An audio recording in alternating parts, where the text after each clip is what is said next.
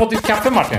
Jag har fått mitt kaffe och idag är ju ingen vanlig dag. Vi, vi har liksom sluppit ut ur vår vanliga lilla, vårt vanliga lilla bås där vi brukar finnas instängda. Ja, det känns helt annorlunda detta, får jag säga. Ehm, och eh, kommit ut i verkligheten, blinkat mot solljuset och idag befinner vi oss ju på Brygghuset Finn i Landskrona. I Landskrona? Ja. Jaha. LA. Alltså. LA, ja, ja precis. Exakt. Och eh, vi finns här för att prata lite om öl naturligtvis. Eh, och det är inte bara så att jag som är Martin och du som är Magnus. Utan idag är ju även Mats. Mats! Hej hej! Alla börjar på Välkommen, ma. Mats. Ja. Eh, och vi kommer att få besök av eh, lite av dina kollegor här till och från under, under, under tiden. Så. Vad kul och vad roligt att vi fick komma hit. Tack så mycket. Ni är Den här soliga dagen. Ehm, Du har ju inte varit med förut så du kanske bara vill f- fylla i lite grann här. Vad, vad gör du egentligen och vem, vem är du? Ja, Mats heter jag då och jag är sälj och marknadschef i, i bryggeriet. Ja, och eh, du... Min titel är säljchef. Fint. Ja, härligt. Det är bra. Ja. Och du kommer från... eh, Du, har, har du eh, alltid jobbat med öl eller du är liksom... Nej, det har jag inte. Det här är min tredje bransch. Jag har jobbat med IT-branschen tidigare, affärssystem och eh, gjorde en vända på Framfab bland annat. Också. Ja, ja. Eh, Och sen rekrytering mycket till IT-branschen. eh, Specialister och chefer och sådär.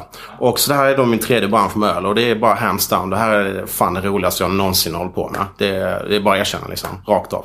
Så är det. Hur, hur, kul. hur, hur gör man för att få jobba med öl? Alltså det måste vara mångas dröm liksom. Ah, Ja. Tänk man fick sitta där och bara... Är det din dröm Martin? Ja, lite kanske. Jag vet inte riktigt. Nej. Jag, jag gillar ju att dricka öl men jag tänker att jobbet går ut på annat än bara... Det var faktiskt så att jag stod och duschade eh, hösten 2011. Så hade jag telefonen med mig inne i badrummet och så plingade den till. Och så var det eh, Filip då som är ordförande i bolaget. Eh, I Brygghuset. Som eh, hörde av sig och frågade om jag ville bli säljchef för bryggeriet. Och eh, det var jag liksom inte sen att hoppa på.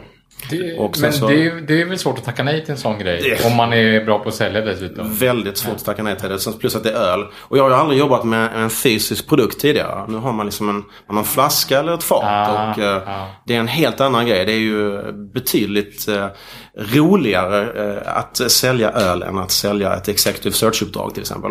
Jag brukar kunna få sådana där lite identitetskriser ibland när man sitter på jobbet och tänker att vi gör ju egentligen ingenting. När man jobbar med IT så ju, alltså vi arrangerar magnetism på små plattor. Det är liksom vårt jobb. Ja, det är väl inte ens magnetism på små plattor. Ja, inte, nu är det kanske inte det längre. Nu är det bara lite... ja, Jag vet inte knappt ens vad det är. Liksom. Men det är någon, någon liten transistor liksom, som vi ställer i ett visst läge. Det är Ja. vårt jobb. Liksom. Ja. Och om det bara skulle gå bort, då har inte vi gjort någonting. Du menar att det inte finns någonting kvar sen Ja, men det är efter vad- dig? Sådär. Är det det du känner? Att Där- det är lite vi, mer... vi gör ju något som egentligen inte finns. Liksom. Men alla är med på illusionen. Eller vad man ska säga. Så det här är något. Det är väldigt filosofiskt nu Martin. Men Ja. jag tror vi får återkomma till det lite. De här stora frågorna. Ja, vi får kanske anledning ja, men det, att återkomma absolut, till det. det får vi definitivt. Nu, nu pratar vi alltså om ett, ett bryggeri som är ganska liten skala fortfarande. Det är ju är roligt att se. Vi, vi, vi fick ju ta en tur ut i, i, i bryggerisalen, eller vad heter det? Bryggrummet och lagret bry, ja. bry- Bryggrummet och lagret, ja precis. Och, och eh, jag har ju bara sett brygg, bryggning hemma hos min bror tidigare. Alltså ölbryggningen här. Martin, du har ju varit på stora bryggerier, herregud. Och Ja. varit, nej, jag har faktiskt varit på Carlsberg också. Det, det, Ja, ja. som gammal teknolog så har man ju gjort en ölresa till Carlsberg. Det måste man ju göra. Det, det får jag ju erkänna. Att jag, har ju, Självklart. jag har ju varit på Carlsbergs bryggeri, men det var ju så länge sedan. Så det, Du hade inte varit mycket till människa om du inte hade varit på Carlsberg. nej, eller? det är lite, lite... Men det är ganska preskriberat nu. Ja. Var det, var det där du blev vuxen? Nej. Nej, nej. Nej, jo, jag har ju varit på lite bryggerier i USA. Bara i USA faktiskt. Ehm, men det, det är som du säger större, större ställen. Ehm, Ja, och, och liksom, det är kul att se att det är liksom steget över ett Ja, nu, nu är det ju inte pyttelitet här, men det är ändå det är liksom några steg över eh, garagenivån får man ändå säga. Det kommer min kollega Petter in här. ja men vad roligt. Hejsan hejsan! Hej, hej! Eh, Välkommen. Vi pratade precis om det här med eh, eh, småskaligheten kontra storskaligheten. Jag, jag, jag, jag kände precis att jag, jag har ju varit... Eh, jag har ju, som gammal teknolog så har man ju naturligtvis åkt på ölresa och, och besökt Carlsbergs bryggeri en gång i tiden. Det, det, det, det har vi väl alla gjort som har varit teknologer, eller hur? Ja, det har jag gjort några gånger också. jag misstänker det. Eh, och sen, men annars har jag ju aldrig varit på bryggeri annat än hemma hos min bror som har liksom kokat eh, 80 liter eh, eh, mäsk hemma i, i, i källaren i, i ett överblivet sommarstuga. Sådär. Eh, så jag, jag kan väldigt lite om den här processen men det måste vara ganska spännande som du teknolog då, får få den här idén och sen se resan hur man liksom skalar upp det här successivt. Eh, dels i takt med kunskap och dels i takt med resurser och dels i takt med Ja, efterfrågan antar jag. Man kan ju inte bara brygga eh, helt plötsligt eh, sådär en, eh, en halv kall kubikmeter öl ut, ut, utan, utan att ha någon som vill dricka den sen, eller hur? Nej precis, det var ju så det började också när vi på eh, studentkorridoren provade och experimenterade lite där. Och eh, våra kompisar sa ju att det var gott för att antagligen var det för att det var gratis där till början. men... Eh, Eller så är eh, ni snälla polare. Ja precis, exakt. De, eh, de ville inte vad ska jag säga, eh, trycka ner oss allt för djupt. Men eh, efterhand så blev det ju bättre och bättre och eh, till sist blev det ju faktiskt riktigt bra. Och då kände vi att det här måste vi göra på riktigt ju. Ja. Men, men du, du var med från start här. Ja, det stämmer. Och gjorde du någonting? Har du haft ett hederligt jobb? Ja, det har jag. Det har jag jobbade tre och ett halvt år på Saab Kockums i Malmö. Se där ja. ja. Men sen, eh, så att det var inte så att ni liksom bara shit, det är ju det här vi ska jobba med. Nu kör vi Ja, liksom. Utan ni, det var nog snarare så att eh, det är det här vi ska göra med. Men sen finns det ju en verklighet som tar, lite- tar lite tid. ja. Man behöver sin försörjning också. Och, eh, Precis. det tog, tog lite tid innan det fanns möjlighet att göra det här på heltid. Ja, så, men, men ni hade hittat den här personen redan under studietiden? Ja, precis. Så ni hade bryggeriet även, Nej, även, alltså, även vi- under den vanliga arbets... Man kan säga att... Hur Eh, gick det till det här? Ja, Ja, men jag är jättenyfiken också. säga Hur, det- hur, hur, mm, man kan säga att det hela började då när jag och Simon eh, Vi eh, läste ju till ingenjör då och eh, mitt under den här utbildningen, det här var sex år sedan ungefär. Så eh, blev vi påtvingade en kurs i ekonomi här. Och det, det kanske, kanske inte riktigt är det man vill som eh, ingenjörsstudent. Men det var ett projekt där i skolan. Eh, hitta på ett företag, eh, skriv en affärsplan och tänkte vi, ja men det här. Det, hur ska vi göra det här intressant liksom? Vi låtsas vi startar ett bryggeri. Ah. Och, eh, Hade ni bryggt öl då? eh, Simon hade. Simon hade Simon, bryggt. Simon hade ju då bryggt lite Och det är han som är laboratoriemannen Precis, i, i, i gruppen? Det stämmer. Helsingkrona nation. Det är Ja. en hel generation som är förstörd nu efter deras... Nej, så right. eh, Simon hade ju bryggt en del hemma och efter vi hade läst den här kursen eh, då så tänkte vi, ja men eh, ska vi inte ta det här med hembryggning, eh, göra det här lite mer ordentligt. Och eh, Simon hade ju kokat i kastrull och jäst på så här tomma petflaskor någon gång där under gymnasietid. Men nu var det dags liksom att eh, ägna sommaren 2010 här åt att bygga lite vettigare hembryggningsutrustning och försöka få en lite jämnare kvalitet. Så det ägnade vi ju sommaren åt där. Och, Men hade ni en lokal på Nej, Helsingkrona då? då, Eller hur? det var studentkorridoren. Det var fortfarande Ja, studentkorridoren? precis. så vi Ja. körde det att eh, vi hade vårt kokkärl där. Vi ställde det vid balkongdörren då till studentkorridoren och sen så eh, stod drog lite förlängningskablar över hela korridoren så vi kunde dra eh, kokaren 60, 80 60 60 liter där och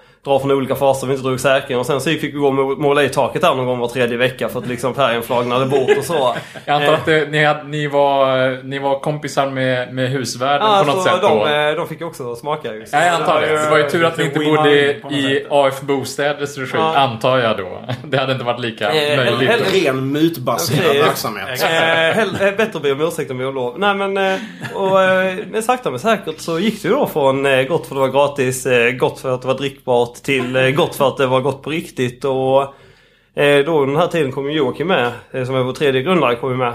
Och provade den där bryggorna från början. Och efterhand där så blev han ju också en i gänget och på den vägen är det lite. Och man kan väl säga lite, här nu, nu står vi 2016. Eh, Någon gång där 2011 sa vi ja men klart vi ska starta ett bryggeri. Någon gång där eh, 2012 så, slut 2012 så fick vi tag på den här lokalen. Och det var väl ungefär samtidigt som jag började jobba. Och sen... Eh, På något- Kockums. Ja precis, på Kockums. Ah, och, eh, så du, har jobbat, du jobbade på Kockums redan då Ja. när ni hade den här lokalen som Precis, det gjorde jag. Ja, okej. Och sen eh, tog det ett år för oss att komma igång. Ja. Eh, vi fick renovera hela lokalen, bygga upp utrustning så vi... Ja, så det här har ni gjort helt och hållet på fritiden då under den Ja, tiden? det, man kan säga att jag var sist in av oss tre som började här heltid. Kan man Ja, säga. ja, därför att du hade ett Ja, vanligt exakt. trevligt jobb Så, för att eh, eh, försörja startupen. Liksom. exakt. Jag gillar inte det här med hederligt jobb. Alltså, Nej, jag kan tänka mig något mer hederligt än att jobba på bryggeri. Liksom. Nej, alltså, det här är- det här är ju fantastiskt. Men det, men det här är ju det är precis som folk säger liksom. Ja men du har en civilingenjörsexamen. Varför slösar du bort det på att göra öl? Vadå slösa bort på att göra öl? Det är väl tvärtom att slösa, äh, slösa bort sitt liv på att inte göra öl. Precis. Vad, vad, är- Absolut. Vad är det alla andra Eh, nej, men det- håller på med? Ja, ja, ja, Nej, vi men pratade så- just om det. Nej det är ungefär som att säga det att eh, vad blir man om man läser eh, teknisk fysik? Ja, Christer Fuglesang läste teknisk fysik, han blev astronaut. Men det menar inte jag ska åka till rymden. Jag ska, men jag menar att jag ska göra vad fan jag vill. Oh, det kan Ja, men det är bra. Nej så... Eh, Men, men, så ni har aldrig haft en lokal som är mindre än den här? Nej, det har vi Ganska inte stor haft. lokal får man ju säga. exakt. Alltså jag växt lite grann. Vi har en lagerlokal extra nu. Sen kommer vi ta Ja, moduler. så ni har skalat upp eh, liksom i Ja, befintlig lokal kan man säga. Genom att, eh, Vi har en väldigt bra hyresvärd. eh, Så att vi kan bara ta liksom mer eller mindre modul efter modul som, Bara som behöver. som Ja, liksom, ja mer eller mindre. Men eh, du har inte hört det från oss. Nej, nej, absolut inte. Det finns inte alls inspelat. Nej, absolut.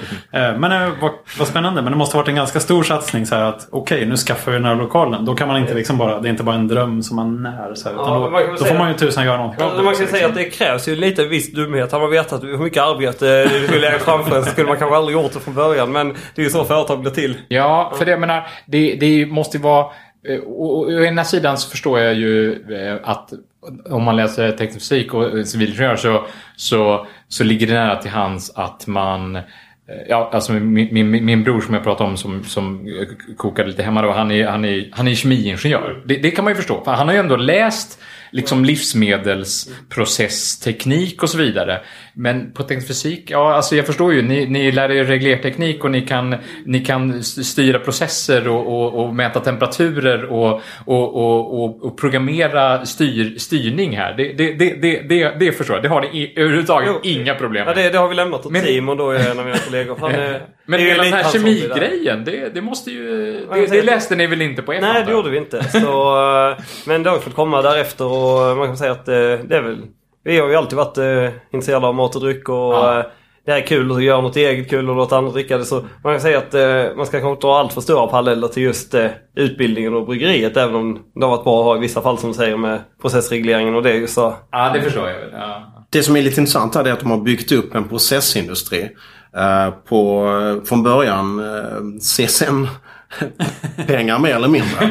Inte för att de gick till, till det kanske men det var det ni levde på ju. Ses. Mm. Och det är rätt imponerande faktiskt. För det, det är ju inte en enkel sak att bygga en processindustri. Nej, och det, framförallt så är det roligt att se att man, att man... För nu kommer vi ju in i en fas där ni... Ja, nu, nu har ni funnits här i sex år, men, men, men det, den här, den här, upp- det, det, vi ser här att det, det, nu har ni passerat den här äh, lilla pucken över eh, där, där ni för något år sedan stod och handbuteljerade hörde jag 8000 flaskor till karnevalen. Ja, precis. Det, Eh. det var tider det. Det, det, låter, det låter som ett otroligt eh, det låter som att du saknar den tiden, arbete. Nej, jag gör, jag gör det faktiskt. Men det, det var rätt kul där när man kom igång. Precis början satte första brygden och sen skulle man ställa sig där och han buteljera och man var, så glad. Det blev öl den här ölen ska vi inte sälja och vi fick sålt den och vi skickade några fakturor som kanske inte alls motsvarade våra utgifter då men eh, eh, Sen efter ett par månader tröttnar man lite på det och stå där dag ut och in och handbuteljera. Ja, och därför att det är ändå den här fysiska grejen. Ja. Att man måste... Äh, äh, varenda flaska väger ett halvt kilo. Du ska flytta det och äh, hålla på och Mm. Köra precis, runt det- äh, ja, det ju inte- korn med truck och, Ja, sådär. och det var det man märkte. Det var ju inte bara själva momentet som tog det, utan det är ju allt runt omkring som tar mycket, mycket mer tid. Men sen har vi helt enkelt fått eh, ja, utgå där vi kommer ifrån och expandera efterhand, effektivisera, köpa ny utrustning, bättre utrustning och efterhand. Så kunde vi då även anställa Mats som eh, säljchef här och fick vi lite, så när vi väl kunde producera så kunde vi ju få lite fart på volymerna här också. Och det eh, gör ju nu att eh, nu står vi ju liksom redo för att ta nästa steg när vi kommit över den här kammen att nu är vi ett bolag som fungerar även om vi jobbar hårt och sliter så kan vi liksom ändå leva på det nu. Men nu är det ju dags att försöka växa lite till och ta nästa steg. Ja, och det känns som det. vi har alla möjligheter till det. Ja, det är ju jätteroligt. Och ni har, ni har tagit nya priser här ganska nyligen då. eh, På andra gången ni fick guldmedalj för alen här. Vår brown ale då. Och den går ju att köpa på Systembolaget. Ja, absolut. Finns, eh, ja, vi kanske är lite fartblinda höll jag på att säga, men vi bor ju nära bryggeriet så vi kanske kan köpa Hur funkar det där egentligen? Kan man köpa all er öl på alla sy- system? Nej, det kan man inte göra. Eh, Det finns ju TSLS eh, som det kallas alltså lokalt tillfälligt sortiment. På Systembolaget. Alla, Ja. alla branscher har sina liksom... Ja, det här är Systembolags... Eh, deras eh, liksom, begrepp de använder. Och eh, där kommer vi in då. Man får upp till 10 butiker eh, som är lokala så att säga. Eh, och, För då eh, distribuerar ni själva till de butikerna Ja, då, eller? det, gör vi. Eh, det, det här är sant för vi har ju fem sorter i vårt ordinarie sortiment nu. Den senaste är vår Session Ale. Eh, och eh, fyra av dem, Brown Ale, IPA, eh, American Pale Ale och eh, Session Ale finns i lokalt sortiment. Eh, och sen har vi då lagren, California lagren som är inne i fast sortiment. Så den finns i, vad är det uppe nu, 43 butiker va? Ja, någonstans där. Och från första juni så kanske någonstans runt Eh, 50, 50. någonting sånt där va? Ja, och då är det inte ni själva som kör ut den till den, de butikerna. Utan då... Då har vi en partner som hjälper oss med det. Ja. Men det är fortfarande inte så att den körs till centrallagret i Örebro? Det gör den det också. Det gör den också. Eh, via den här partnern då. Så vi, Jaha, aj, aj, okej. Så att eh, då kan man, den kan då, alla, alla går att beställa liksom i beställnings, eh, alltså på Ah, I system. och med att det är det fasta sortimentet då. Men även det andra, på Systembolagets eh, hemsida kan du gå in och beställa alla våra sorter också till butiker där man inte finns. Och då fixar de liksom... Ja. Nej, jag vet inte. Från Örebro helt enkelt. Oh, wow. Vad, men hur, eh, vad, det blev ju ett, ett väldigt rabalder för några år sedan när Systembolaget gjorde om det här just med småskaliga.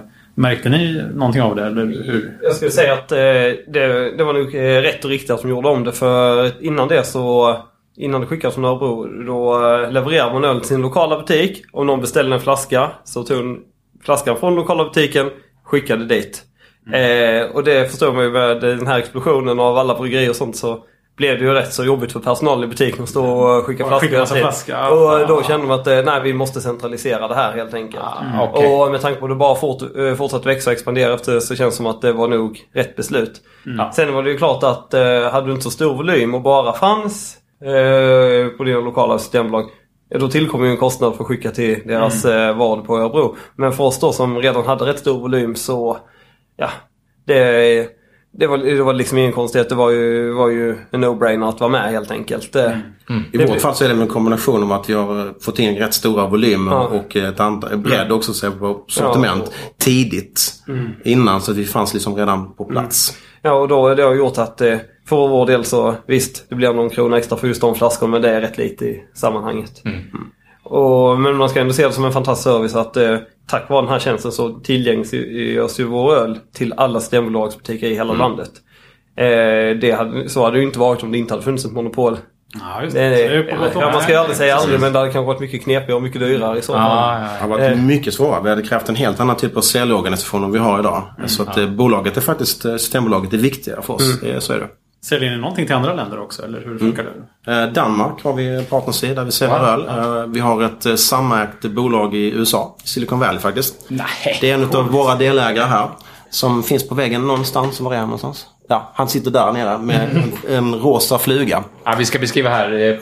Alla aktieägarna är fotograferade och sitter på små ramar på väggarna här. Ja, det är bara en bråkdel av dem dessutom. Så att, ehm, men i alla fall, vi har ett bolag tillsammans med, med dem då och eh, där har de två säljare i USA. Som, eh, så att det enda syftet i dagsläget är att de importerar vår öl och säljer den i USA. Ehm, och det ska väl eh, bli en annan större grej av det så småningom i tanken. Så att, men det, är- det är ju liksom en tuff marknad att gå in på också. Sen har vi exporterat till Polen ett par gånger. Eh, är det Tyskland också va? Tyskland har vi inte kört Det har inte gjort med. Finland. Ja, det är i alla fall flera länder på gång. Så att, eh, det är ju en del utav, utav eh, verksamhetens uppskalning också. Det är ju att exportera till andra länder. Det mesta Ja. har varit Danmark hittills. Ja, ja. Ja, det ligger nära till hands. Eh, Jag tänkte en del på det här. Var det liksom självklart för er att ni skulle bygga grejerna själv? Och nu ska vi ha ett massa tankar här och sånt. Eh, För det finns ju liksom Mikkeller och även här nere lokalt i Skåne finns ju Migranten tror jag och någon sån här som mer hittar på öl och sen så hyr in sig eller man ska säga hos andra och brygger där. Ja, För oss var det rätt så självklart att eh, vi vill ha vårt egna. Det, ska man eh, växa och bli stor så eh, vill man inte vara beroende av andra. Ja, den här tillväxttanken har funnits i bolaget från början. Alltså att man har haft en, en väldigt god tanke där från scratch. Och det ser man i hur flaskorna är utformade till hur ölen är utformad i sig. Man tänker på målgrupp och liknande. Ja. Och den här tillväxttanken den finns verkligen eh, inbyggd i grundstommen i bolaget. Så målet är inte bara att det ska finnas en öl med, med sitt namn på. Liksom, för det måste man nästan kunna bara ringa och beställa av någon. Att ja, men jag vill ha en sån här öl. Och sen Och, här är eh, den det är ju Liksom. att eh, då, de har ingen kontroll över vilken kapacitet man har. Mm. Eh, Men det är svårt liksom att lova kunder innan man har ringt och kollat med. eh, Ja. Utan ska man, ska man växa på sikt så är det ju helt klart att föredra att ha sitt egna. Men Mm. visst, det kräver ju lite mer arbete också. Men man får, ju, man får ju kontroll över hela kedjan då på ett helt annat sätt. Mm, precis, och man får kontroll över prioriteringarna. Ja, och, ja processen, kvaliteten, Mm. allting ju. Så, så det känner vi att det, det är liksom inte bara släppa bort helt lättvindigt. Nej, men samtidigt så, jag menar, kollar man på Mikkelle som väl aldrig brygger öl själv som jag förstår det. Det är ju mer som ett något sorts virtuellt bryggeri på något sätt. Eller det är nästan bara ett, ett varumärke och... och Ja, men han brygger väl i molnet liksom. I, i brygg, brygg, bryggmolnet. Ja, men om man ska dra en parallell. Alltså, det, jag tycker det, är- det är ja, intressant. själva, själva kapaciteten finns någonstans. Liksom. Sen väljer han säkert de bryggerierna med omsorg. Men, men det, är ju, det, är, det är lite intressant. Så här, vad, Det är- vad är liksom ett... Vad, vad, vad behövs för att vara en öl? Ja, bryggare kan man inte säga då, men ett märke. Liksom, att det är ju inte så himla mycket. Utan det, Det, det, det som är bra att ha produktionen själv är att som Petter säger, man har kontroll över kvaliteten framförallt. En finnöl smakar alltid som en finnöl ska smaka. Och det är en del av vårt varumärke som är supervärdefullt för oss. Och det vet vi att eh, några av våra branschkollegor eh, har eh, varierad kvalitet. Och det är för att man inte reglerar processen så tydligt. Eh, och även eh, tidigare nämnde dansk eh, producent där. har väl viss variation eh, i sina öl ibland. Och det blir ju så när man distribuerar på det sättet. Eh, alltså produktionen ligger ute. För det är, det är svårt att brygga. Ett, bryggverk producerar ju ett öl på ett givet recept och ett annat bryggverk producerar en lite annorlunda öl. på samma sätt. Så ni har liksom hela feedbackloopen där på något sätt. Att ni kan... Här är receptet, vi provar brygger, så här blev det. Ja, vi behöver tweaka lite grann. Och sen så har man alltid ett beständigt resultat på något sätt. Så. Precis, och så har vi vår egen utvecklingsverksamhet då, där vi jobbar med, med nya ölsorter. Eh, och eh, vi har liksom sagt att vi har en professionell styrelse, vi har många delägare. Så det är många som kan ingå i referensgruppen för att se, är det här bra? Är detta en, en öl som ligger i fin-rangen och eh, är den kommersiellt gångbar? Och är den tweakad med, med, med liksom smaker och dofter så att det stämmer överens? Ehm, så att eh, det är viktigt, superviktigt. Gör ni något särskilt för att ölen alltid ska smaka likadant? Eller är det bara samma input, samma... Liksom, till, Recepten är ju oerhört reglerade. Det är de ju. Så det, öl gör man av eh, vatten, jäst, malt och humle. Ja. Eh, och sen finns det väldigt många olika humlesorter och olika maltsorter. Eh, recepten består utöver det då det är volymer och sorter samt eh, temperaturer och tider. Som reglerar eh, hur, hur ölen blir. Och sen så kan det ju vara, jag menar malt och humle är ju levande, eh, alltså det är ju organiska material ju. Så de kan ju vara lite olika. Så att det gäller ju från batch till batch att skruva till det va? Så att så att det blir liksom rätt. Gästen är ju i allra högsta grad levande. Det är ju den som är. Den är levande. Den är levande. Ja, just det. Men, eh, och, men det funkar att göra så. Gör man precis likadant varje gång, då smakar det precis ungefär likadant. Liksom. Då blir det ungefär likadant. Ja. Sen så kan det vara att man behöver ibland eh, skruva till det. Till exempel med torrhumling och sådär. Va? Så att det, det är lite... Det kan vara lite... Provsmaka lite längs vägen och se. Ah, Ja. ja, men så är det ju. Ja. Det måste kvalitetssäkras. Och, Ja. och eh, vi släpper ju inte ut en, en batch öl av någon sort på marknaden. Eh, utan att, att, den är, att vi vet om att den är bra. Och att den smakar som den ska. Så någon, någon får det här härliga uppdraget att provsmaka lite varje gång. Att, Ja, alltså det, det gör ja, Så är det ju absolut. Och vi, vi, det är väl en kollektiv grej också. Vi måste ju, framförallt när det gäller nya ölsorter. Så måste vi ju veta att det här är någonting som är bra. Och då, då är vi kollektivt ganska bra på att liksom hitta rätt i det. Då tar ni in styrelsen då, så har ni styrelsemöte. Kan, kan, kan, kan hända kanske. ja, men det... det, men, det men det är inte så att man det är liksom, eh, sparar hälften av förra batchen och blandar liksom, så att det ska vara någon sorts... Nej, det är inte som en whisky liksom. När man Nej. har eh, många tunnor så har du en, en sjukt överbetald människa som är Ja, som är liksom exakt. Ja, exakt. Eh, nej, så funkar det inte. Nej, så att man, man, man, man liksom blandar inte till samma grej varje gång. Utan Man kan ju inte det- spara hälften Ja, men- av ölen. ja, men- du, du, Ja, du, men, ja, spara och spara. Men, men det var lite det jag skulle komma till. Att det här är liksom mer färskvara på något sätt. Att Ja, men det, det går inte att ha liksom förra månadens batch och sen så skvimpar vi lite från den där som blev hum, humligare och lite från den där som blev maltigare. Liksom, Ah. eller, Nej, det är inte så det nej. funkar. Nej, alltså det, det, det är det inte. Det får inte. Så gör vi inte. Eh, Sen är det ju typ färsköl vi har. Mm. Eh, I bemärkelsen att den är inte pasteuriserad och den är inte filtrerad. Eh, och, eh, så de har sex månaders hållbarhetstid då. Se där ja. Um, men Det det är är också ett kvalitetsstämpel kan jag säga. ja jag sa till Magnus innan här att nej, nej, nej. Den är definitivt filtrerad.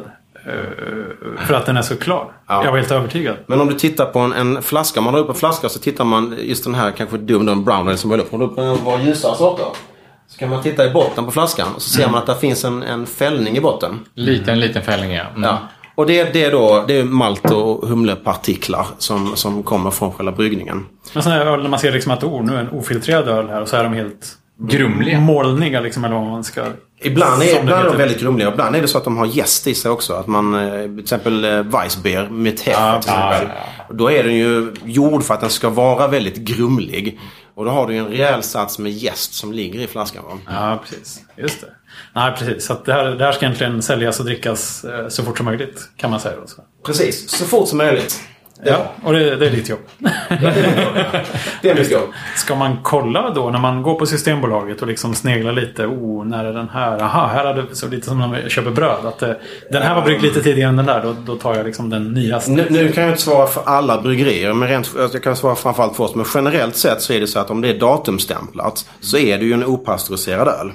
Eh, och med det som händer, det är lite beroende på man förvarar den. Om man tar en av våra ölsorter och ställer dem i solljus eh, bredvid en, ett element liksom, som håller 50 grader. Eh, då Mm. Det kommer hållbarheten att bli sämre. Va? Så Ja, är det ju. precis, ja. Eh, Men allmänt har det stått någorlunda svalt och kanske liksom i ett mörkt rum eller så. Så det som händer när det här datumet går ut är inte att ölen blir dålig. Så här, du blir inte sjuk av att dricka den.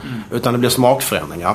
Som syns mer på vissa andra. Nu kommer, kommer Joakim in här. Ja, vad roligt! Ja, ja. Lite skift, skift, skifte i... Eh, vad kul. Var var vi någonstans? Eh, Du, vi, nu- Det som händer är alltså inte att ölen blir dålig på något sätt utan det får smakförändringar.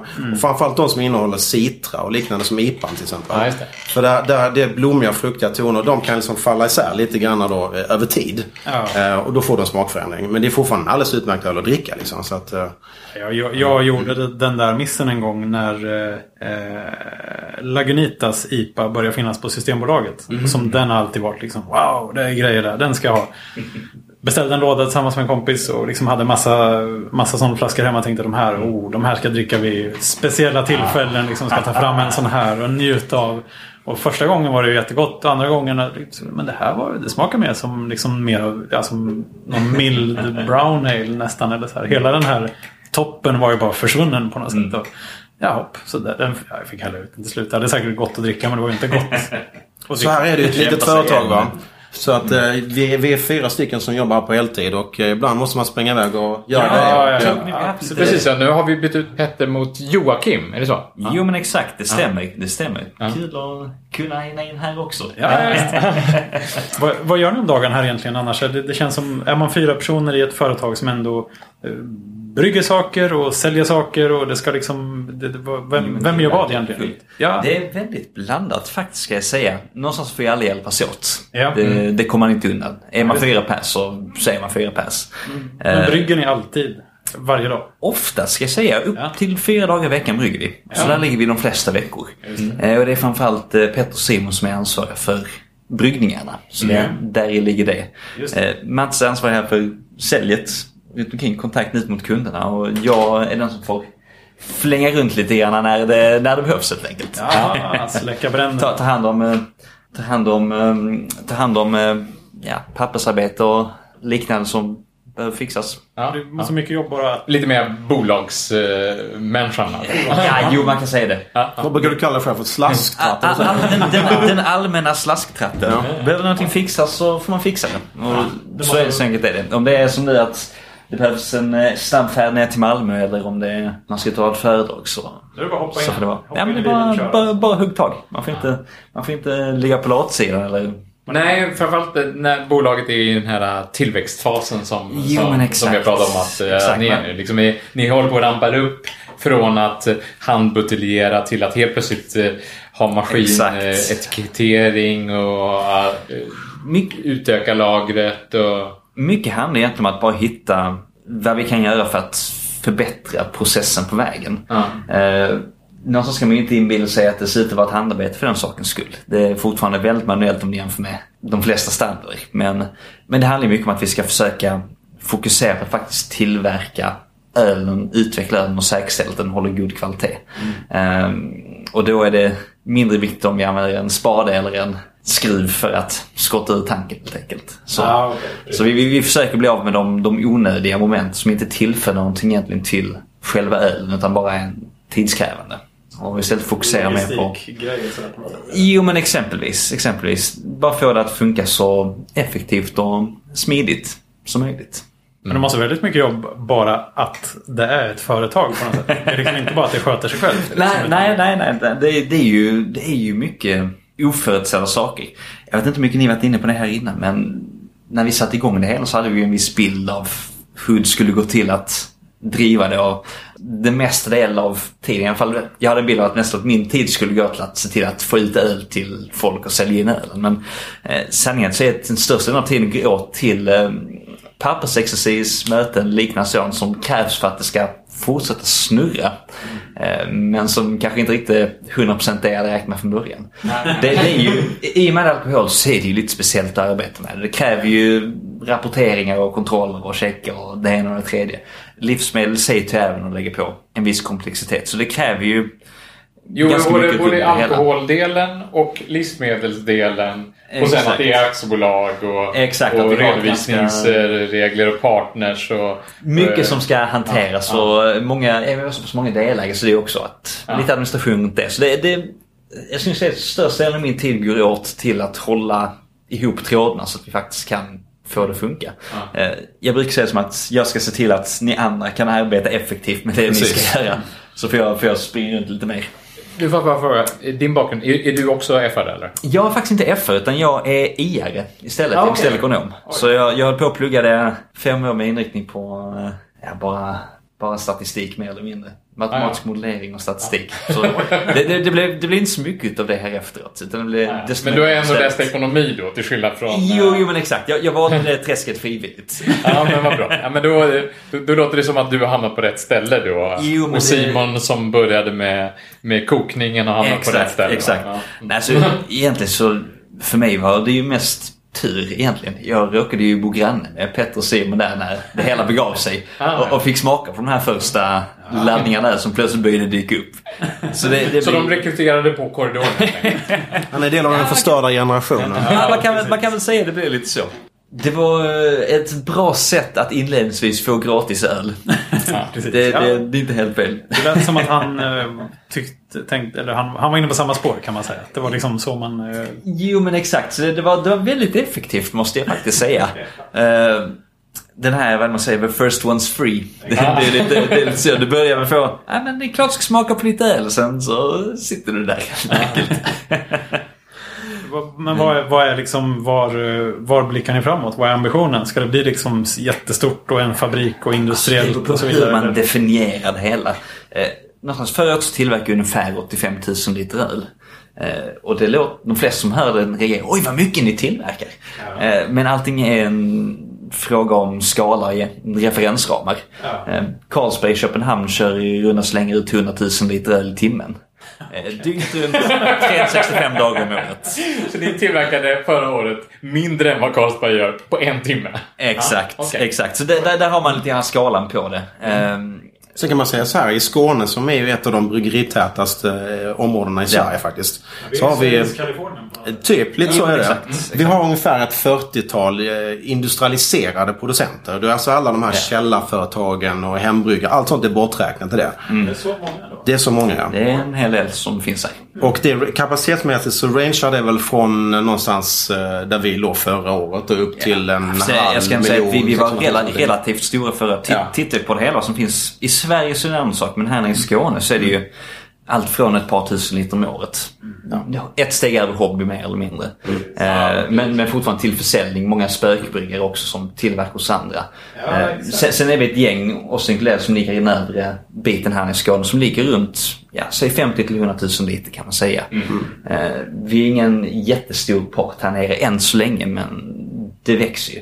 Och som sagt, nu är det en jättestor i relativa termer. Största vi har i Sverige är Oppigård. De ligger på en bit över en miljon liter, runt en till en halv miljon liter om året. Eh, eller 15 timmar på Carlsberg. Så, ja. så, så det, det, det, är fortfarande, det är fortfarande skalan det handlar om. Men de är ju de, de större som finns här.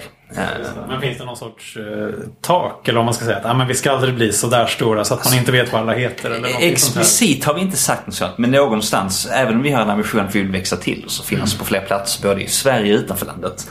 Eh, så har vi ju ingen ambition att bli Carlsberg, om säger på det sättet. Så det viktigaste för oss är någonstans ändå att vi har, hela tiden har en produkt vi kan stå för. Eh, en öl som är tillverkad på ett sätt vi kan stå för. Mm. Sekunder man börjar ta de här eh, processmässiga genvägarna och börjar tillsätta massa grejer som inte har hemma i dem. Mm. Ris och majsextrakt och liknande sånt. Då, då har man gått över en tröskel vi inte är så sugna på att gå över. Men vi har en ambition vi ska växa till och bli större här nere helt enkelt. Bli inte de större i landet. Den svenska marknaden för hantverksöl eh, som vi då tillhör. Den, den är ju relativt liten givet den totala ölmarknaden i Sverige.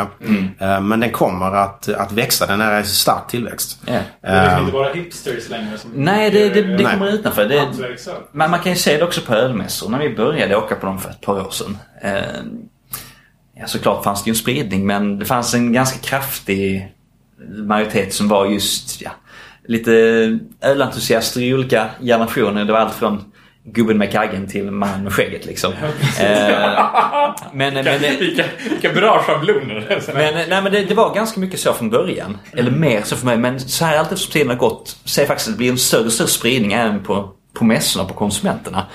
Eh, kvinnor blir vanligare, yngre blir vanligare. Även folk som inte är 100% inbitna, folk som har öl som sitt stora intresse. Kommer på mässorna nu och är faktiskt intresserade. Vanliga människor liksom. Eh, Ja, nej men...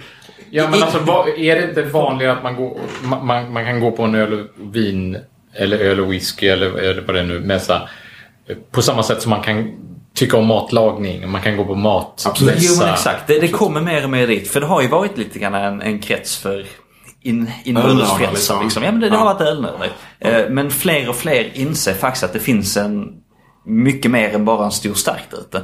Det är precis som om man går tillbaka ett par decennier på vin. Eller frågan, okej ska du ha vin? Ska du ha rött eller vitt? Eh, och traditionellt så tar frågan, ah, ska du ha en öl? Ja, nej. Precis. Det är alternativ som har funnits. Du har gått in på en pub och sagt, en öl. Ja. En stor stark. Eh, och det har varit allt som har funnits som alternativ. Eh, sen gick tiden och folk fick upp ögonen för att ja, men vin är så mycket mer än bara rött och vitt. Det finns ju olika vingårdar, olika druvor, olika you name it. Eh, och jag känner att öl lite grann för tillfället är inne i de tidiga stegen av den processen också. Fler och fler får upp ögonen för att det är inte bara öl, ja nej. Eh, Utan att det finns väldigt mycket mer. Det finns olika stilar, olika typer, olika humlesorter, olika tillverkare. Eh, mer och mer agerar på ett sätt som är poppis från eh, vinmarknaden. Helt enkelt där folk eh, går efter specifika genrer och producenter för att de uppskattar specifikt dem. Eh, så samma utveckling sker här. Att det blir en ökning i komplexitet och framförallt en ökning i kunnande hos konsumenterna. Men, men framförallt också så har du väl passerat den här äh, trendiga, eh, liksom, jag vill säga surdegsfasen. Ja, Ja, men, eh, nej, men- Sällskapet Malte finns ju. Ja. Och de har en tidning som heter Maltesen tror jag den heter. Eh, Jag läste den faktiskt häromdagen bara. Och då, då ska man se Danmark, som är ju, de ligger före oss på hantverkssidan. Eh, Och ehm, där kan man se att det här liksom stout och, och porter och väldigt liksom mörka, tunga ölsorter. Trenden går lite ifrån det till hantverksöl som, som är mer positionerade närmare stor starkhållet så att säga. Eller mellan de två ytterligheterna. Eh, Och det är där tillväxten kommer att ske. Och det som vi ser händer i USA, det som vi ser händer i i Danmark, det händer också i Sverige. Så att där är vi ju sjukt väl positionerade för, med våra ölsorter kan jag säga. För den tillväxten. Jo, det, det handlar ju om att marknaden breddas. Fler och fler blir intresserade. Det är inte bara de allra mest inbitna. Och då, då behöver man kunna tilltala folk på det. Såklart så ska man fortfarande, man behöver ju hela spannet. Different beers, different occasions liksom. Men, eh, men det, det, det växer verkligen så fler och fler blir intresserade, inte bara entusiasterna. Sen är det så att när man, är, när man jobbar i bryggerinäringen så förändras ens smakpalett. Eh, och jag har varit här nästan exakt ett år på dagen idag faktiskt. Uh, nästintill. Faktiskt. Ja, det är så ja. Nästan. nästan. Men, ja. Och det, det, jag hade aldrig fått för mig att dricka en stout till exempel. En 12-procentig stout liksom förr. Men det är rätt gott idag. Kan jag tycka. Så att eh, det händer saker. Det gör ju det. Vem säger down, down the rabbit hole? Mm, Ja, lite så. precis. Du kommer aldrig kunna komma tillbaks till Nope. där du var förut. Liksom. Nej, nej det går inte det, att det, det backa. vill man inte heller. Ja, exakt. Men jag man kan sluta när jag vill, men varför skulle jag vilja göra det? Vad, finns det någon sån här, för jag tänker ni har ändå jag, jag har ju tillhört den här ölnördsskaran då får jag väl erkänna eh, under många år. Men jag tycker ni har tagit en lite annorlunda väg in. Ni börjar inte med en IPA. Det känns som alla börjar med en IPA på något sätt. Nej, Kanske för att det är ganska det- enkelt. Jag vet inte, det är bara att brassa på. Trenden låg ju där och har gjort ganska länge. Va? Och ni, det, det dröjde, ni hade er Pale Ale som, jag- som jag fortfarande tycker Exakt, är en, en exakt. stor favorit. Liksom. Men, men en Brown Ale, det kändes lite oväntat. Ja, nej, brown ale är faktiskt... Brown ale är väldigt rolig i sammanhanget. För den allra första ölen som dök upp ända tillbaka när jag fortfarande var i studentkorridorerna. När, när jag hittade de här Biltema-plastdunkarna med öl helt plötsligt. Ja, det var spolarvätska eller öl. Nej, nej men det var, det var, det var de här tidigaste, allra, allra tidigaste batcherna. Eh, Bland det första som kom då var faktiskt urfröet till den brown alen jag har sen. Och lite grann om varför vi valde att göra en brown ale. Okej, vi, vi började faktiskt utveckla både American Pale Ale och en IPA. Eh, från starten också. Men de två gjorde vi för att det finns en stor efterfrågan på det. Eh, brown alen är en mycket mer nischad öl. Jag frågade någon som vilka brown ales de känner till.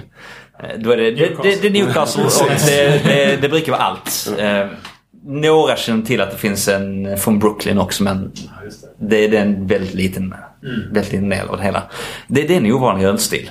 Eh, Och vi tyckte inte det fanns så mycket kul på marknaden för det hela. Brooklyn är ju schysst men Newcastle är väl kanske inte jättemycket att hänga i graden om jag ska vara helt ärlig. I min egen smak i alla fall. Eh, Det, det, det, det brukar vara den öl som folk, som är den första mörka ölen inom citationstecken folk får smaka på. Den det, den, det, det, det fyller ju en funktion där men det, det är inte min favorit i världen. Jag har druckit ohyggligt mycket Newcastle kan jag säga. Det var min standard i säkert... Eh, Jo men exakt. Fem. Sa du att du var ölnörd? Ja men det, det, det var innan. Som bara, det, var innan inkört. Det, den har ju poäng för det var inkörsporten för mig också. Den, men jag började också, jag började också på, på, på Newcastle. Men det var, du, hade, du, du gick från sort gulden med, som kom från, från andra sidan den lilla pölen vi har utanför. Liksom. eh, och och sen, sen, så blev det, sen blev det dags för något annat. Då blev det ju Newcastle som blev ett naturligt första steg. Och där fyller den ju en roll. Men eh, vi kände att vi ville göra vår tolkning på en brown ale. För det är som sagt en ganska ovanlig stil utöver Newcastle. Ehm, så vi gjorde den då. Så det, det är faktiskt den som vi har tagit hem flest tävlingar och priserna i också. Ehm, så vi har tagit hem både ett pris i Stockholm för bästa svenska fatöl oavsett kategori när jag var där. Ehm, och nu senast i Göteborg här för ett par veckor sedan bara så tog vi faktiskt hem pris för bästa ale under 5% med den också. Så, så det, det, är en, det är en lite ovanlig stil och därför var det lite attraktivt för att just kunna göra någonting som inte tvunget är det vanligaste. Någonting som kan särskilja oss lite grann. Ja, det känns som det både... Det har gått trender i vad folk köper såklart. Eh, Men det verkar också som det går lite trender i vad bryggare gillar att brygga på något sätt. Ett Jo, tag- exakt. Ja, man ser väl lite också där man letar efter på något sätt. Men ett tag kändes det som det fanns jättemycket IPA. Ja. Och sen så liksom... Ja, sen blev det lite mer diffust. Sen började det finnas väldigt mycket, komma liksom stout och porter och, och säsong också. Liksom. Säsongen känns som det är en Ja. Men sen, och sen så plötsligt kändes det som att Brewdog och, alla de här började brygga lager mitt i alltihop. Liksom att, ja men lager, det, det, är liksom, det är där man hamnar till slut. När man Det, brygger på något sätt. Att, jag vet inte riktigt hur det går till men någonstans så går ju de här trenderna lite upp och ner. Och Ja. det, just lager har ju kommit lite grann här på sista tiden. För att det har ju varit... Lager har ju varit en lager, punkt. Men samma sak där, att ja, det kommer fler stilar på lager. Exempelvis vår lager är ju en eh, California Common Lager. En, en Steam Beer. Så det är en liten eh, hybridlager kan man säga. Så det börjar, det börjar komma fler ovanliga där också just för att ja, men, det finns mer än bara pilsner och vanlig ljuslager. Det är lite kul därför att eh, när vi släppte vår California Lager förra sommaren. Eh, runt juni var det va? Ja, jag tror... Någonstans där. Va, nej, det var första juli väl? Första juli var det, ja. Så Vi lite, smyg, lite smygis. Smygis där i mitten av juni, ja. Precis. Nej, alltså sen dess, eh, inte för att vi var först med den typen av öl naturligtvis. Men sen dess har jag noterat att det finns väldigt många fler av våra eh, lokala konkurrenter som också har en motsvarande common lager. Ja. Mot tidigare. det Så att eh, vi, vi känner lite grann att vi, vi hade nog en viss, eh, ett visst finger med i det spelet tror jag. ja, det senaste vändan på Systembolaget köpte jag tre, fyra stycken svenska California-lager. Liksom. Ja, ja. Det, det är fint. Jag har druckit jättemycket Anchor Steam. Så att det är liksom, Jo, jo, men exakt. Jag är jätteglad. Det, det är liksom, vi, har försökt, vi, har gjort vissa exempelvis IPA för att det, det, det är trevliga stilar. Det är stilar som man vill tillverka för att ja, de är schyssta helt enkelt. Eh, men sen har vi försökt hålla oss till lite ovanligare för att kunna Ja. I, inte göra det ovanligt för att göra det ovanlighets skull men, men just för att vi, vi tycker det, vi kan se lite nischer där som har varit lite förbisedda från andra. Det är kul att kunna sticka ut lite också i Jo men exakt, som inte är en i mängden. Ja.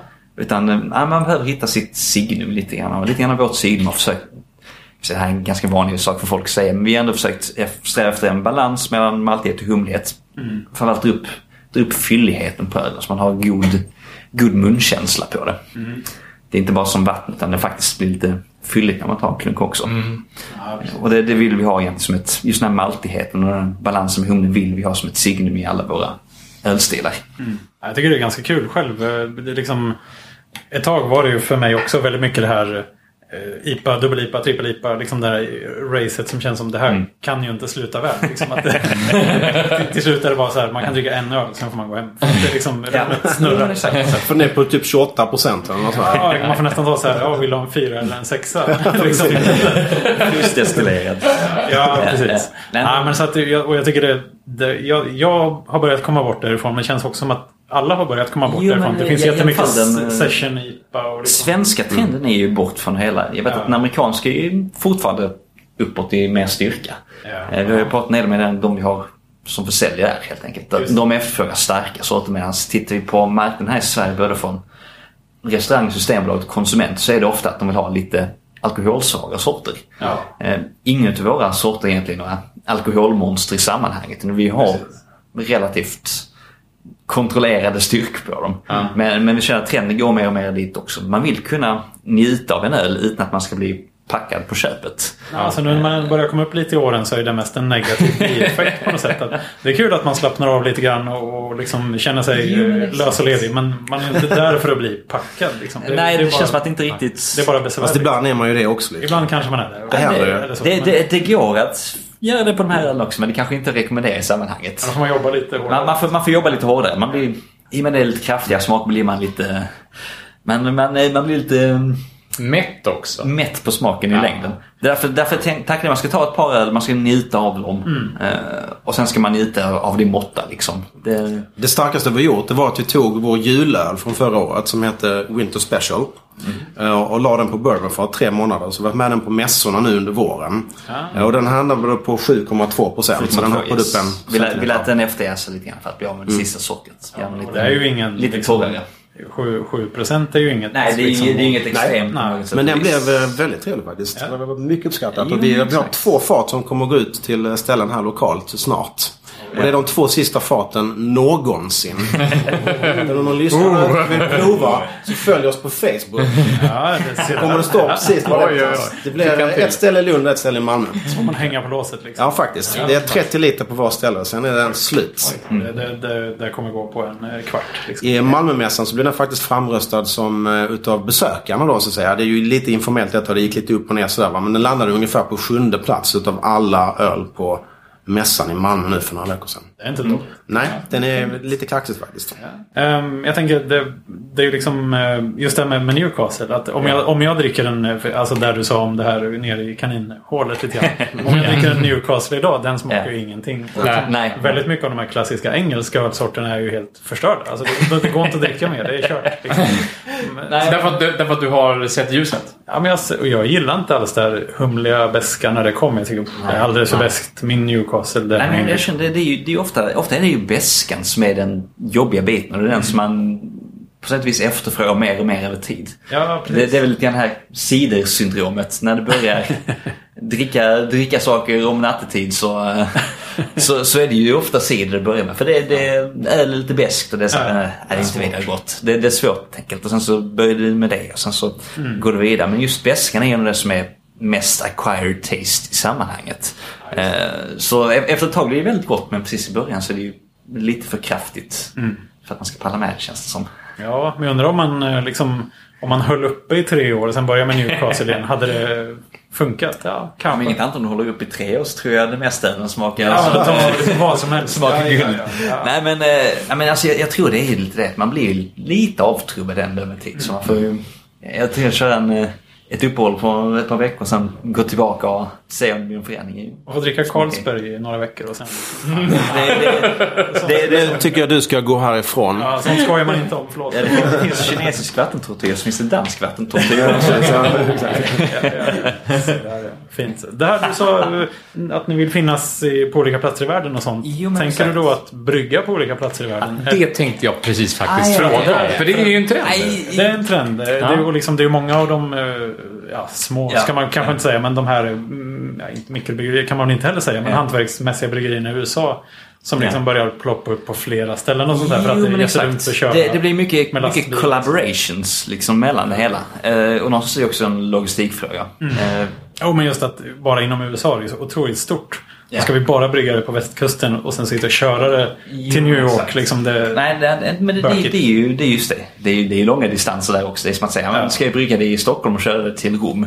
Ja, Eh, precis. Men, Ja, eh, men eh, jag tittar på det. Vi är mycket väl öppna för att göra collaborations med folk från andra ställen, både inom Sverige och utom Sverige. Men Mm. att, tillverka vår egen öl på annan ort ligger ett litet tag framåt i tiden. Mm. Eh, vi, vi måste komma lite närmare de här 100 000 literna i timmen innan det, Precis. det börjar bli lönsamt och ja, både ekonomiskt och miljömässigt försvarbart att bygga upp fler anläggningar. Mm. Utan vi får ju fokusera på att effektivisera här först.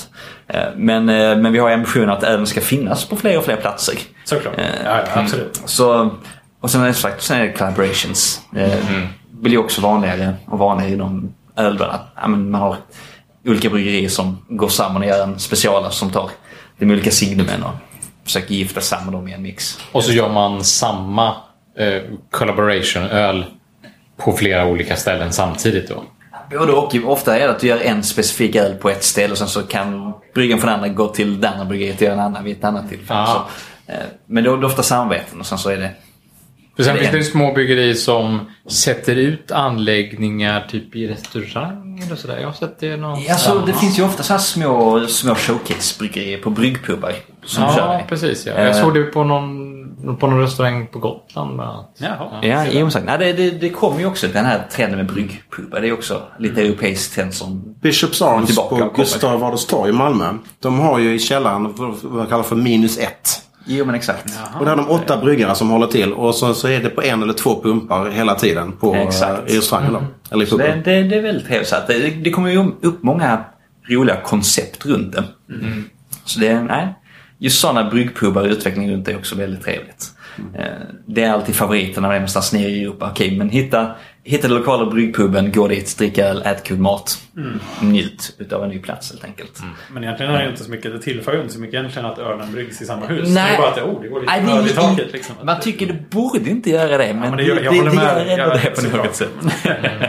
I en hel del fall så misstänker jag att man mest har bryggeriet i puben för att visa upp det och inte så mycket att man tvunget brygga det. För det är lite, det är det är lite ju otympligt att brygga, brygga i pub, pubmiljö. Men, Ja. men det blir, blir en helt, det är nog tillverkat i samband med Mm. Puben, i samarbete med puben. Och det det, det här lilla som många liksom dras till. Jo, sagt, det blir också något unikt. Du kan få tag på det här på det stället och ingen annanstans. Mm. Eh, Såklart ska du dit faktiskt uppleva det specifikt. Ja. Sen om det är den bästa ölen, det kan, det kan variera väldigt mycket från bryggpub till bryggpub runt om, i, runt om i världen. Men du får i alla fall en unik upplevelse som finns på det stället och inte på något annat ställe. Och i det långa loppet då så främjar det väl intresset i allmänhet. men exakt. Det spelar ingen roll om Det- det om det är den ölen man dricker eller om det är någon annan öl man dricker. Utan Exakt. Och det, det kan man säga, det finns ju ett stort intresse för det.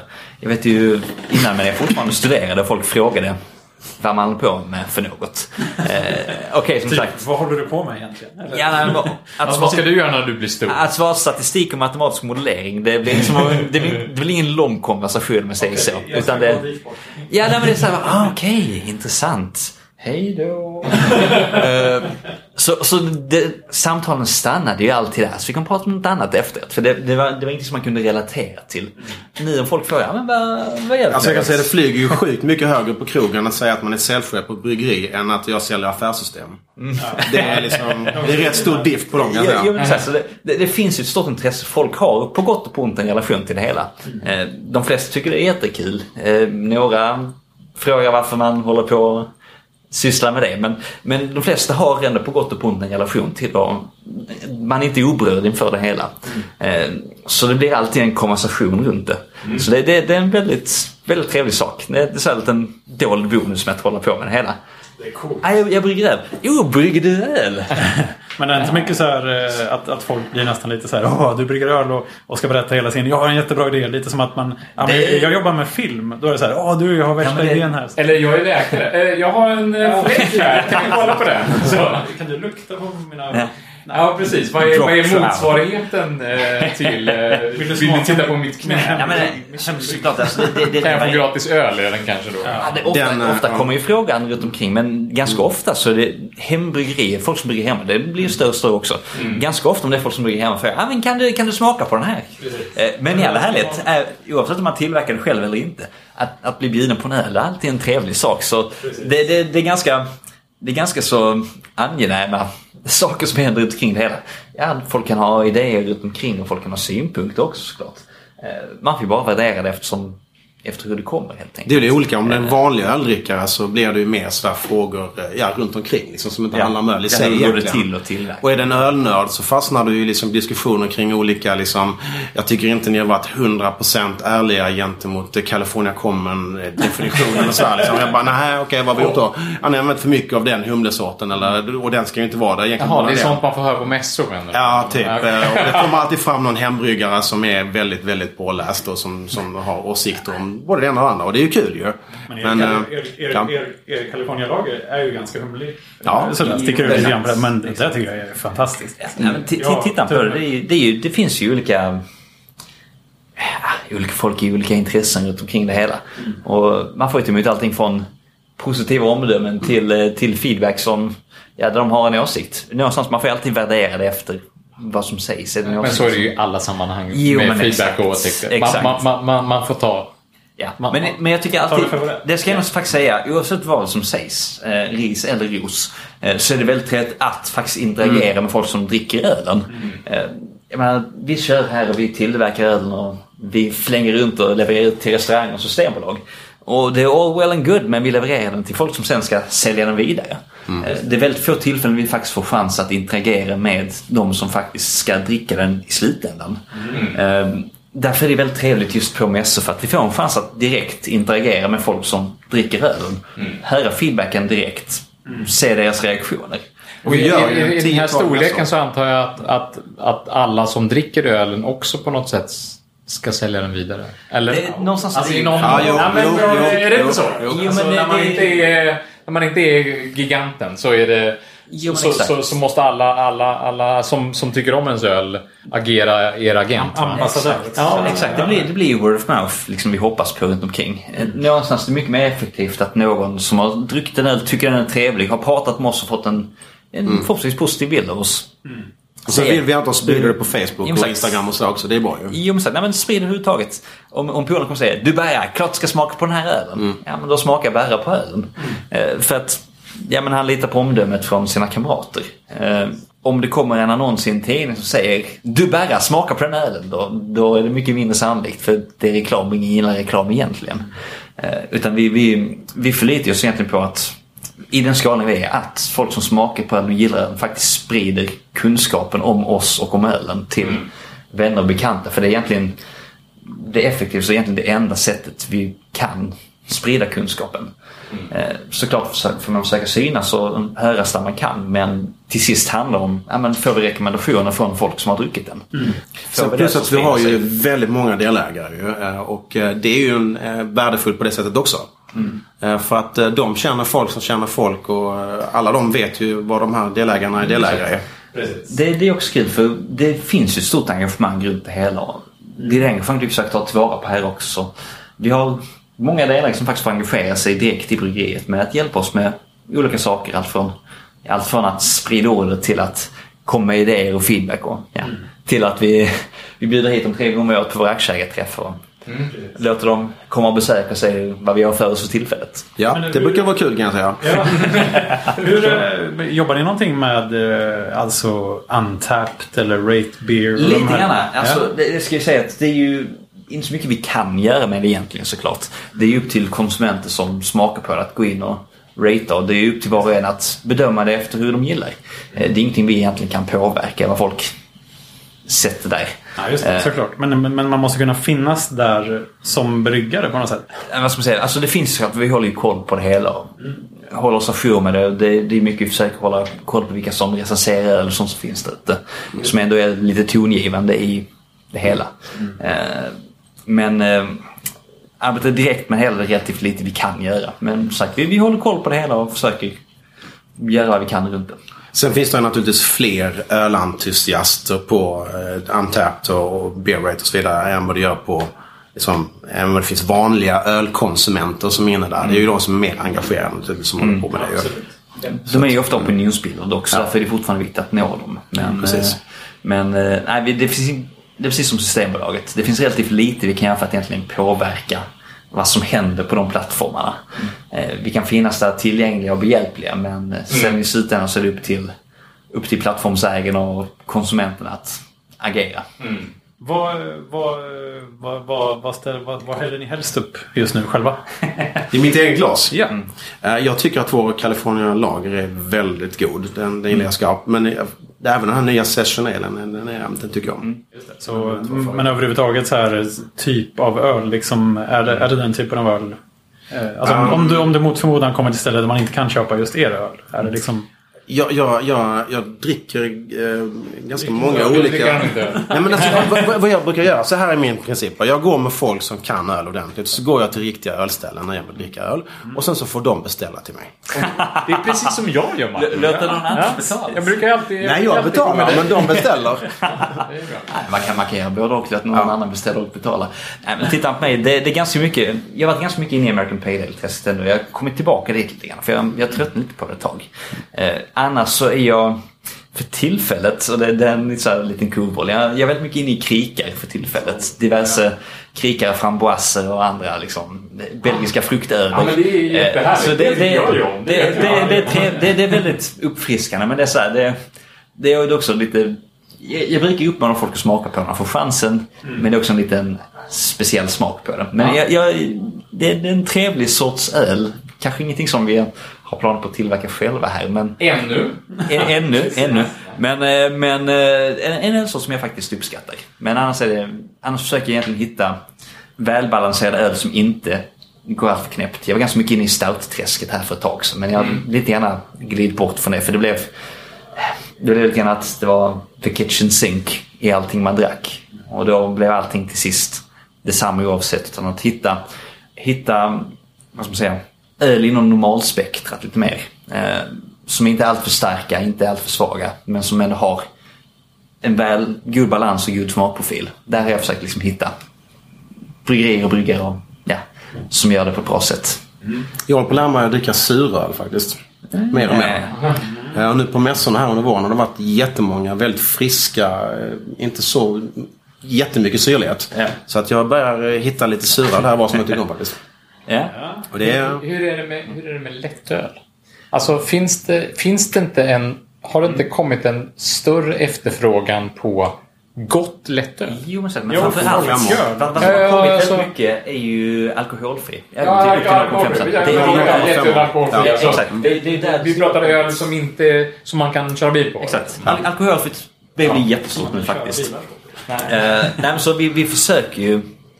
Vi vill gärna göra en alkoholfri faktiskt. Just idag har vi inte riktigt anläggningar för att kunna tillverka det. Men det, det växer mycket alkoholfritt för man vill ha det. Framförallt vad som händer är att tiden skulle ha en lättöl. Då var den 2,8. Problemet är att det var ju bara vatten mer eller mindre.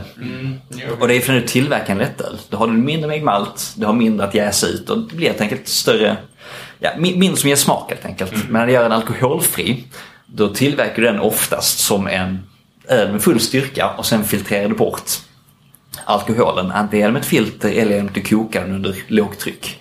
Eh, Så att du avdunstar alkoholen snabbare.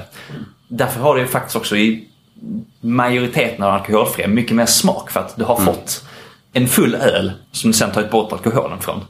Till skillnad från en lättöl där du har tillverkat en svagare öl från Så man början. måste nästan göra en starköl med lite svagare smak. Så att när man tar bort alkoholen sen, Nej, då får man Du, rätt du, smak. du, vill, du vill göra den med, med, med stark smak för en del smak försvinner ju också såklart. Men du, du gör antingen en vanlig öl och sen tar du rensar bort alkoholen i det. Och då får du mycket mer smak kvar.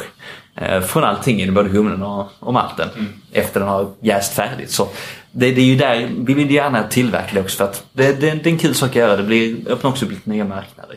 Och framförallt så är det, det, det, det är förstår jag. roligare. Alltså det, det, det, det, det, måste, det måste marknaden efterfråga. Jo, men Då kommer jag genast in och tänker på lagstiftningen i Sverige. När det gäller marknadsföring av alkohol eh, så en 0,5 då som vi pratar om här.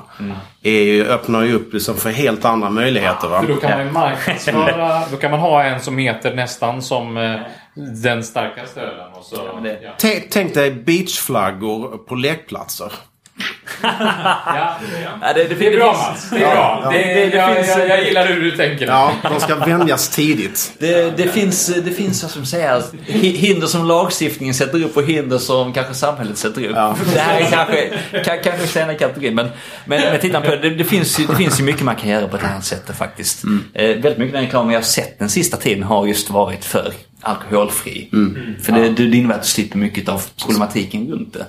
Jag förstår att det, den, den, den, Men, även eh, folk, men det nu när folk gi- gillar att dricka öl och, och förstår att det inte bara är en stark och så vidare. Mm. Eh, då, då, då måste ju marknaden också öppna för att dricka alkohol. Alltså att, att, att, att, man, att man vill ha någonting gott fast man, fast man är den som kör bil. Liksom. Det, det är ju som saken. För man, och det är också vad jag tror som händer här. Fler och fler uppskattar smaken av öl. Inte bara fyllningseffekten av ölen. Utan faktiskt att det smakar gott. Det är en god dryck. Eh, och då vill du kunna ta en god dryck även om du måste köra. Så, så det är fler och fler som vill ha just det. Och det märker man ute på, på krogarna och restaurangerna. Det, det, finns, det är fler och fler som har ett rätt bra utbud. Alltså det är inte ovanligt idag på bättre ställen att man har tre, fyra, fem olika sorters 0,5 år Som är goda. Och fylliga i smaken och har liksom kropp och allt det där som man ska ha. Så att, eh, Absolut. Ja, alltså jag, jag, vi arrangerar löptävlingar här, Martin och jag. Eh, och, och jag har ju sprungit en hel del maraton. Och efter, efter Stockholm till exempel, det, det är ju ett sånt superklassiskt ställe där. Där de serverar alkoholfri öl numera. Jag har de gjort det i många år. Eh, och, och det är ju så här, ja men vad, vad är det, vad, vad är det vi, vi kommer se då så fort ni har gjort en alkoholfri öl? Ni kommer göra en specialbryggd och eh, leverera typ eh, Toughest-ölet eller, eh, eller eh, Helsingborg Marathon. Nej, kanske inte Helsingborg då. Landskrona Marathon förstås. Ja. Om det fanns ett sånt. Det finns i Landskrona Marathon, herregud. Ja, det ja. det är en fyrvarvsbana. Det, är en, det kanske inte är jag- världens roligaste bana va? Men det, kändes som att jag svor i kyrkan Absolut. Jag är Landskrona Marathon, för tusan. Thomas Pettersson. eller- Ja, exakt. Thomas, Thomas. Persson. Thomas Persson har vunnit det. Så när, när öppnar ni bryggpub? Här i Landskrona? Det får vi se. Ja, hemlighetsfullt där. Ja. Och om den öppnas i Landskrona i sådana fall, det vet vi inte. Det finns inga planer så att säga då. Men eh, Nej, visst, för tankar fin, finns ju där. när man hör ordet fin, när jag hörde det första gången, och när jag såg, eh, så tänker man ju inte på Landskrona precis. Nej, alltså det, det, roten finns ju någonstans i som sagt, universitetsvärlden. Att Ja. vi alla kom från ja, LTH och vi Ja. satte igång det där. Namnet kom faktiskt eh, från allra första projektet Simon och Petter skrev tillsammans. De skrev den här affärsplanen för det fiktiva företaget. Det fick heta Bryggeset Finn redan där.